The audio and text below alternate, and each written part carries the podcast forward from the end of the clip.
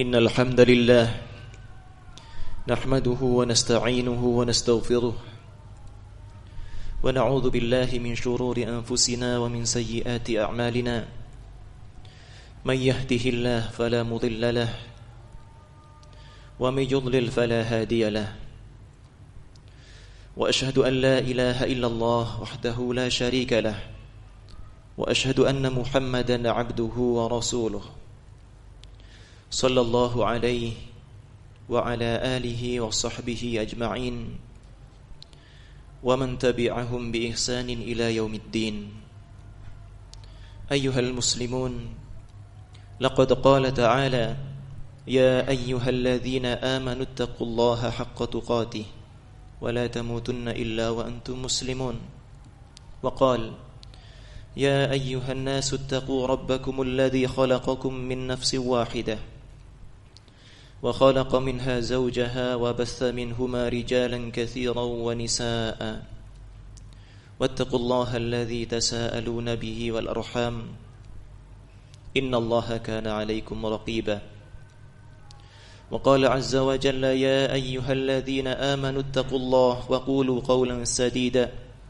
يصلح لكم أعمالكم ويغفر لكم ذنوبكم. ومن يطع الله ورسوله فقد فاز فوزا عظيما.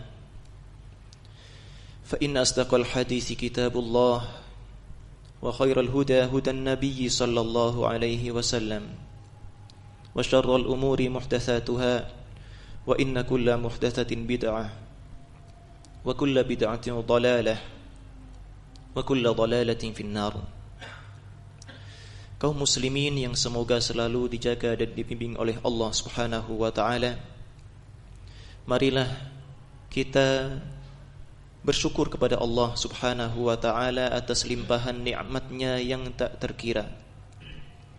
Marilah kita dengan apa yang Allah anugerahkan tersebut menambah pundi-pundi ketakwaan kepadanya, berusaha memanfaatkan apa yang telah Allah berikan tersebut di atas ketaatan kepadanya sehingga kenikmatan yang Allah berikan kepada kita tidak hanya berujung di dunia akan tetapi Allah pun menambahkan kenikmatan-kenikmatan surga setelah kita berjumpa dengannya kaum muslimin yang semoga selalu dijaga Allah Subhanahu wa taala di antara kenikmatan yang agung yang sepatutnya seorang manusia menghargainya dan tidak melalaikannya. Di antara kenikmatan yang utama adalah kenikmatan waktu yang telah Allah berikan kepada kita. Akan tetapi kita tahu ternyata Nabi sallallahu alaihi wasallam mengingatkan tentang dua kenikmatan yang telah Allah anugerahkan. Akan tetapi Kata beliau, "Maghbunun fihima katsirun minan nas." Banyak sekali manusia yang tertipu, terlalaikan untuk tidak memanfaatkan kenikmatan tersebut dalam ketaatan kepada Allah Subhanahu wa taala. Itulah kesehatan dan juga waktu luang. Ikhwati fillah, a'azzani wa a'azzakumullah. Di antara anugerah yang agung kepada kaum muslimin dibandingkan dengan umat-umat sebelumnya adalah meskipun Allah Subhanahu wa taala tidak memberikan mereka usia sepanjang kaum sebelum kaum muslimin dan mungkin juga tidak memberikan kekuatan seperti kekuatan yang Allah Subhanahu wa taala anugerahkan kepada kaum-kaum sebelum umat Nabi Muhammad sallallahu alaihi wasallam. Ternyata Allah Subhanahu wa taala dengan kesempatan yang singkat dalam usia yang telah Allah berikan tersebut Allah berikan kita waktu-waktu yang mulia. Allah berikan kita amalan-amalan yang mana dengannya kita bisa sebanding dengan amalan mereka ataupun lebih baik darinya. Maka ikhwati fillah a'azzani wa azzakumullah kita ingatkan diri kami pribadi dan juga jamaah sekalian tentang sebuah hadis yang kita sama-sama tahu dalam riwayat Imam Tirmidzi Rasulullah sallallahu alaihi wasallam bersabda La tazulu qadama 'abdin yawmal qiyamah hatta tus hatta yus'ala an arba'i khisal Tidaklah kaki seorang hamba akan beranjak akan bisa melangkah pada hari kiamat sampai dia ditanya tentang empat hal. Dan yang pertama kata Nabi sallallahu alaihi wasallam, an umrihi fima afnah, tentang usianya, tentang umur yang telah Allah berikan kepadanya di mana ia habiskan. Kemudian masih berkaitan tentang waktu, wa an syababihi fima ablah. Tentang masa remajanya, masa mudanya, masa kuatnya di mana dia lusuhkan, di mana lelahnya dia habiskan. Kemudian kata Nabi sallallahu alaihi wasallam, wa an malih dan tentang hartanya, min aina iktasab, dari mana ia beroleh, wa fima anfaqah dan ke mana ia arahkan. Kemudian yang terakhir tentang ilmu. Wa an ilmihi fima amil. Tentang ilmunya ke mana dia amalkan. Ikhwah sekalian azani wa azakumullah. Sebelum kita lanjutkan, kita tidak lupa untuk mengingatkan diri kami pribadi juga jamaah sekalian untuk menyampaikan salawat serta salam kepada Rasulullah sallallahu alaihi wasallam. Suri taulatan kita semua yang mengajarkan kita untuk memanfaatkan kenikmatan yang Allah berikan, kesempatan yang Allah anugerahkan dalam kebaikan-kebaikan. Beliaulah yang mencontohkan kita bagaimana sebaik-baik hamba yang bersegera menuju kebaikan. Ikhwas kalian a'zani wa azakumullah.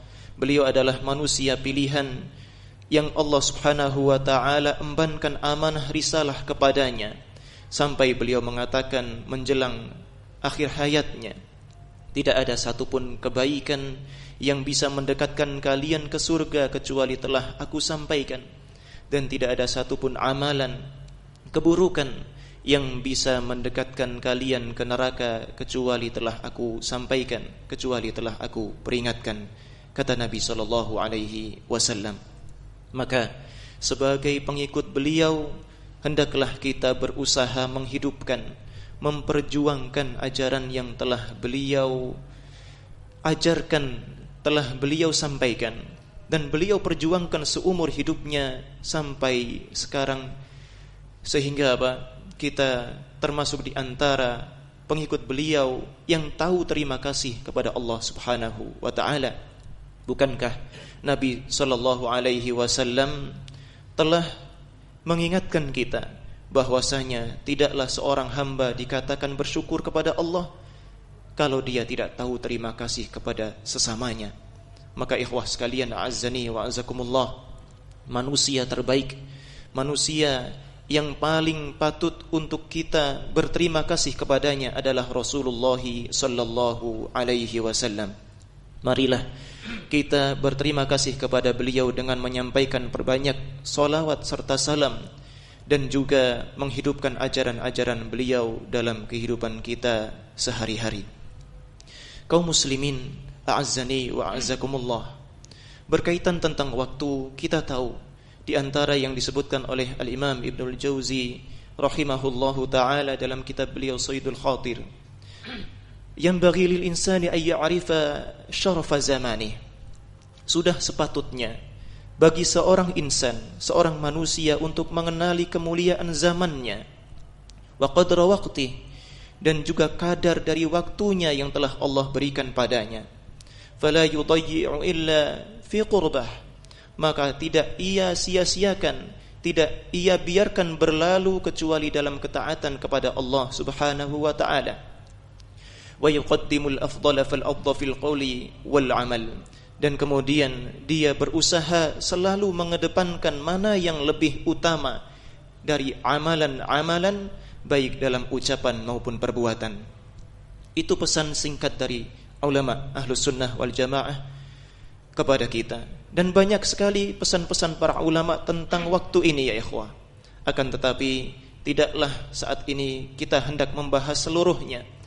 Dan kita hanya akan berfokus di antara yang harus kita utamakan pada saat ini adalah keutamaan yang Rasul sallallahu alaihi wasallam sebutkan atau amalan yang Rasul sallallahu alaihi wasallam ajarkan kepada kita kepada kaum muslimin terkhusus di bulan Sya'ban. Ikhwas sekalian yang semoga selalu dijaga dan dibimbing oleh Allah Subhanahu wa taala. Sekali lagi, kita bersyukur kepada Allah atas nikmatnya berupa kesempatan sehingga kita bisa berjumpa dengan bulan Sya'ban. Dan ketahuilah, bulan ini adalah bulan yang mana kata Ibunda Aisyah radhiyallahu taala anha Rasulullah sallallahu alaihi wasallam paling banyak berpuasa dibandingkan dengan bulan-bulan yang lainnya. Sebagaimana hadis dari Imam Bukhari, Ibunda Aisyah menceritakan kepada kita bahwasanya Rasul sallallahu alaihi wasallam itu banyak sekali berpuasa. Tatkala beliau berpuasa, beliau sampai mengatakan sampai kami kira beliau tidak akan berbuka. Dan setiap kali beliau berbuka, kami sampai mengatakan kata beliau, Rasul sallallahu alaihi wasallam tidaklah berpuasa. Tapi kata Ibunda Aisyah radhiyallahu taala anha, Beliau tidak pernah melihat Rasul sallallahu alaihi wasallam istakmala siyam syahrin illa Ramadan. Tidaklah Rasulullah pernah menyempurnakan sebulan penuh berpuasa kecuali di bulan Ramadan. Wa ma ra'aituhu aktsara siyaman minhu fi Sya'ban. Dan tidaklah beliau pernah pernah melihat Rasulullah sallallahu alaihi wasallam lebih banyak berpuasa selain bulan Ramadan kecuali di bulan Sya'ban. Maka ikhwah sekalian, ini adalah contoh langsung dari Nabi sallallahu alaihi wasallam bagi kita. Bagi kita yang diajarkan dan diperintahkan oleh Allah dan Rasulnya untuk mencintai kebaikan, mencintai orang-orang yang baik, mencintai tempat-tempat kebaikan, dan juga mencintai musim serta waktu kebaikan, hendaklah kita mempersiapkan diri kita mulai dari sekarang. Seperti Rasul Shallallahu Alaihi Wasallam mempersiapkan dirinya dengan berpuasa sebelum datang bulan Ramadan. Dan dalam riwayat yang lain, dalam riwayat yang disebutkan oleh Imam Ahmad dan yang lainnya, Ibunda Aisyah radhiyallahu taala anhu pun menceritakan bahwasanya Rasulullah sallallahu alaihi wasallam adalah orang yang paling cinta untuk memperbanyak puasa di bulan Sya'ban.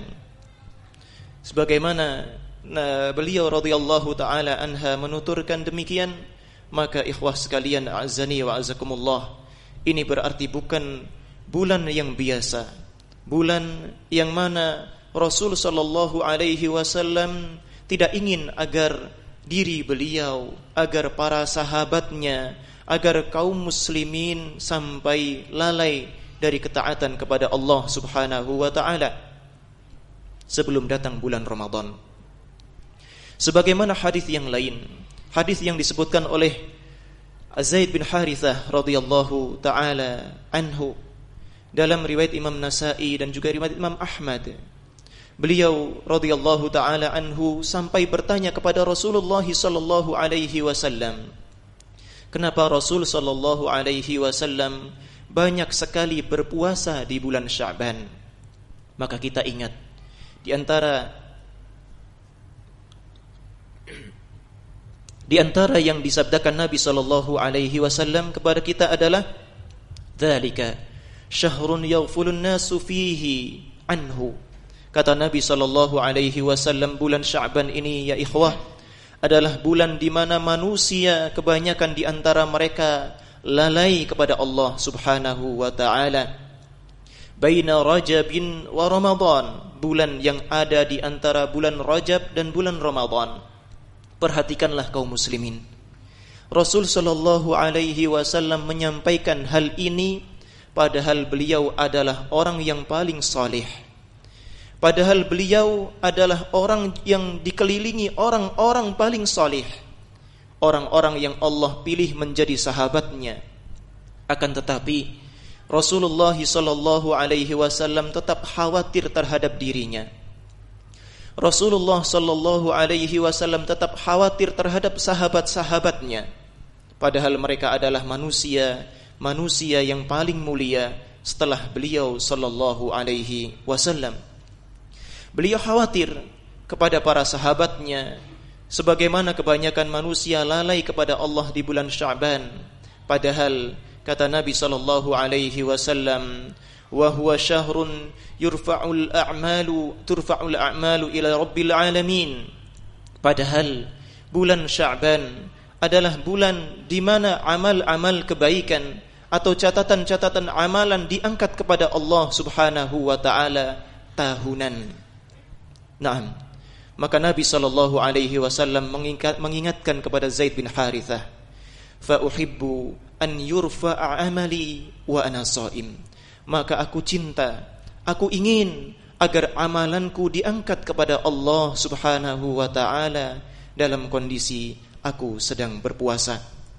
Maka ikhwati fillah, a'azzani wa a'azzakumullah, kaum muslimin yang semoga selalu dijaga Allah Subhanahu wa taala hendaklah kita mencontoh Rasulullah sallallahu alaihi wasallam dalam semangatnya memanfaatkan kesempatan kebaikan yang Allah berikan. Dan beliau pun sallallahu alaihi wasallam bersabda kepada kita, "Ihris ala ma yanfa'uk." Ihris, bersemangatlah engkau ala ma yanfa'uk untuk memperoleh hal-hal yang bermanfaat untukmu. Kemudian wasta'in billah, mintalah pertolongan kepada Allah Subhanahu wa taala atas kelemahan kita, atas kelalaian kita. Wala ta'jaz dan jangan engkau merasa lemah. Ikhwah sekalian, demikian yang bisa kami sampaikan di khutbah yang pertama ini. Semoga bermanfaat bagi kami pribadi dan juga jamaah sekalian. Aqulu qawli hadza wa astaghfirullah li wa lakum wa lisairil muslimina min kulli dhanb fastaghfiruh innahu huwal ghafurur rahim.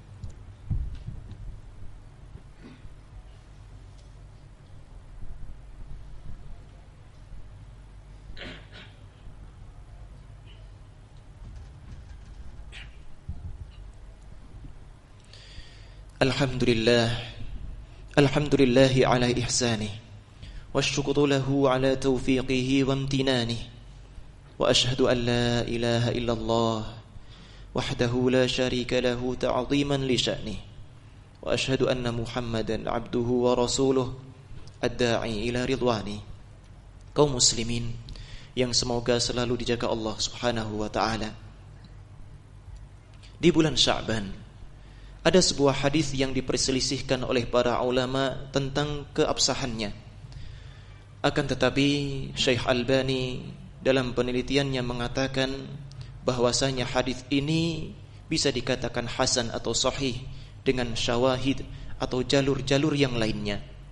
Hadis yang kita harapkan Allah Subhanahu wa taala menjadikan kita salah satu di antaranya yakni sabda Nabi sallallahu alaihi wasallam yattali rabb yattali Allah azza wa jalla ila ibadihi lailatan nisfi min sya'ban. Allah subhanahu wa ta'ala pada pertengahan bulan Sya'ban memperhatikan hambanya. Kemudian fayaghfirullahu li jami'i khalqihi Kemudian Allah subhanahu wa ta'ala memberikan ampunan kepada seluruh makhluknya Kecuali illa li musyrikin au musyahin Kecuali hambanya yang melakukan kesyirikan Atau hambanya yang memiliki permusuhan. Ikhwah sekalian A'azani wa azakumullah Sekali lagi Hadis ini adalah hadis yang diperselisihkan oleh para ulama. Bahkan bukan hanya itu para ulama sedari dahulu berselisih pendapat tentang amalan atau menghidupkan malam pertengahan bulan Sya'ban. Akan tetapi secara umum ikhwati fillah a'azzani wa azakumullah hadis-hadis tentang fadilah pertengahan bulan Sya'ban atau amalan-amalan khusus di dalamnya adalah hadis-hadis yang dhaif dan maudhu', hadis-hadis yang lemah dan palsu.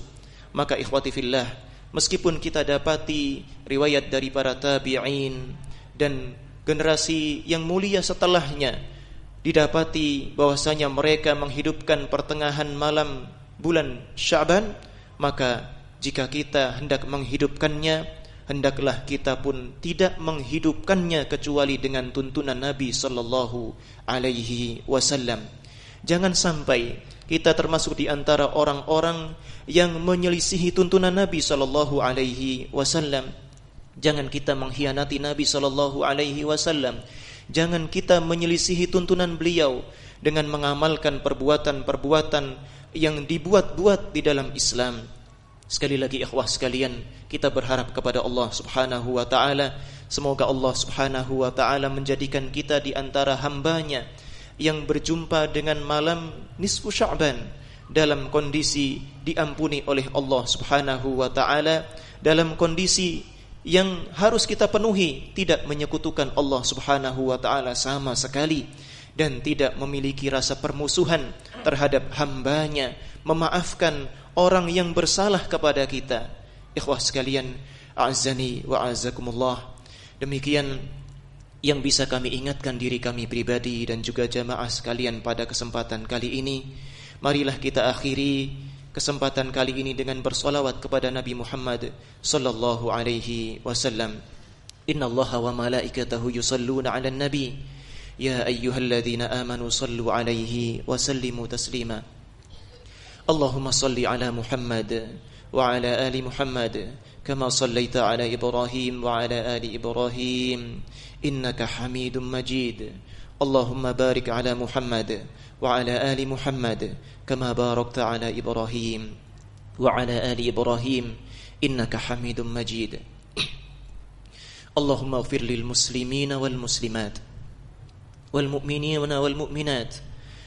الأحياء منهم والأموات. إنك سميع قريب مجيب الدعوات يا قاضي الحاجات. ربنا اغفر لنا ولإخواننا الذين سبقونا بالإيمان ولا تجعل في قلوبنا غلا للذين آمنوا. ربنا إنك رؤوف رحيم. ربنا اغفر لنا ذنوبنا وكفر عنا سيئاتنا وتوفنا مع الأبرار. ربنا لا تزغ قلوبنا بعد إذ هديتنا وهب لنا من لدنك رحمة إنك أنت الوهاب. ربنا هب لنا من أزواجنا وذرياتنا قرة أعين واجعلنا للمتقين إماما. ربنا آتنا في الدنيا حسنة وفي الآخرة حسنة وقنا عذاب النار. عباد الله إن الله يأمركم بالعدل والإحسان وإيتاء ذي القربى وينهى عن الفحشاء والمنكر والبغي يعظكم لعلكم تذكرون. ولذكر الله أكبر. أقم الصلاة. Terima kasih. Jazakumullah khairan wa barakallahu fikum. Video ini dibuat atas partisipasi dari donasi Anda. Semoga menjadi amal jariah bagi Anda semuanya.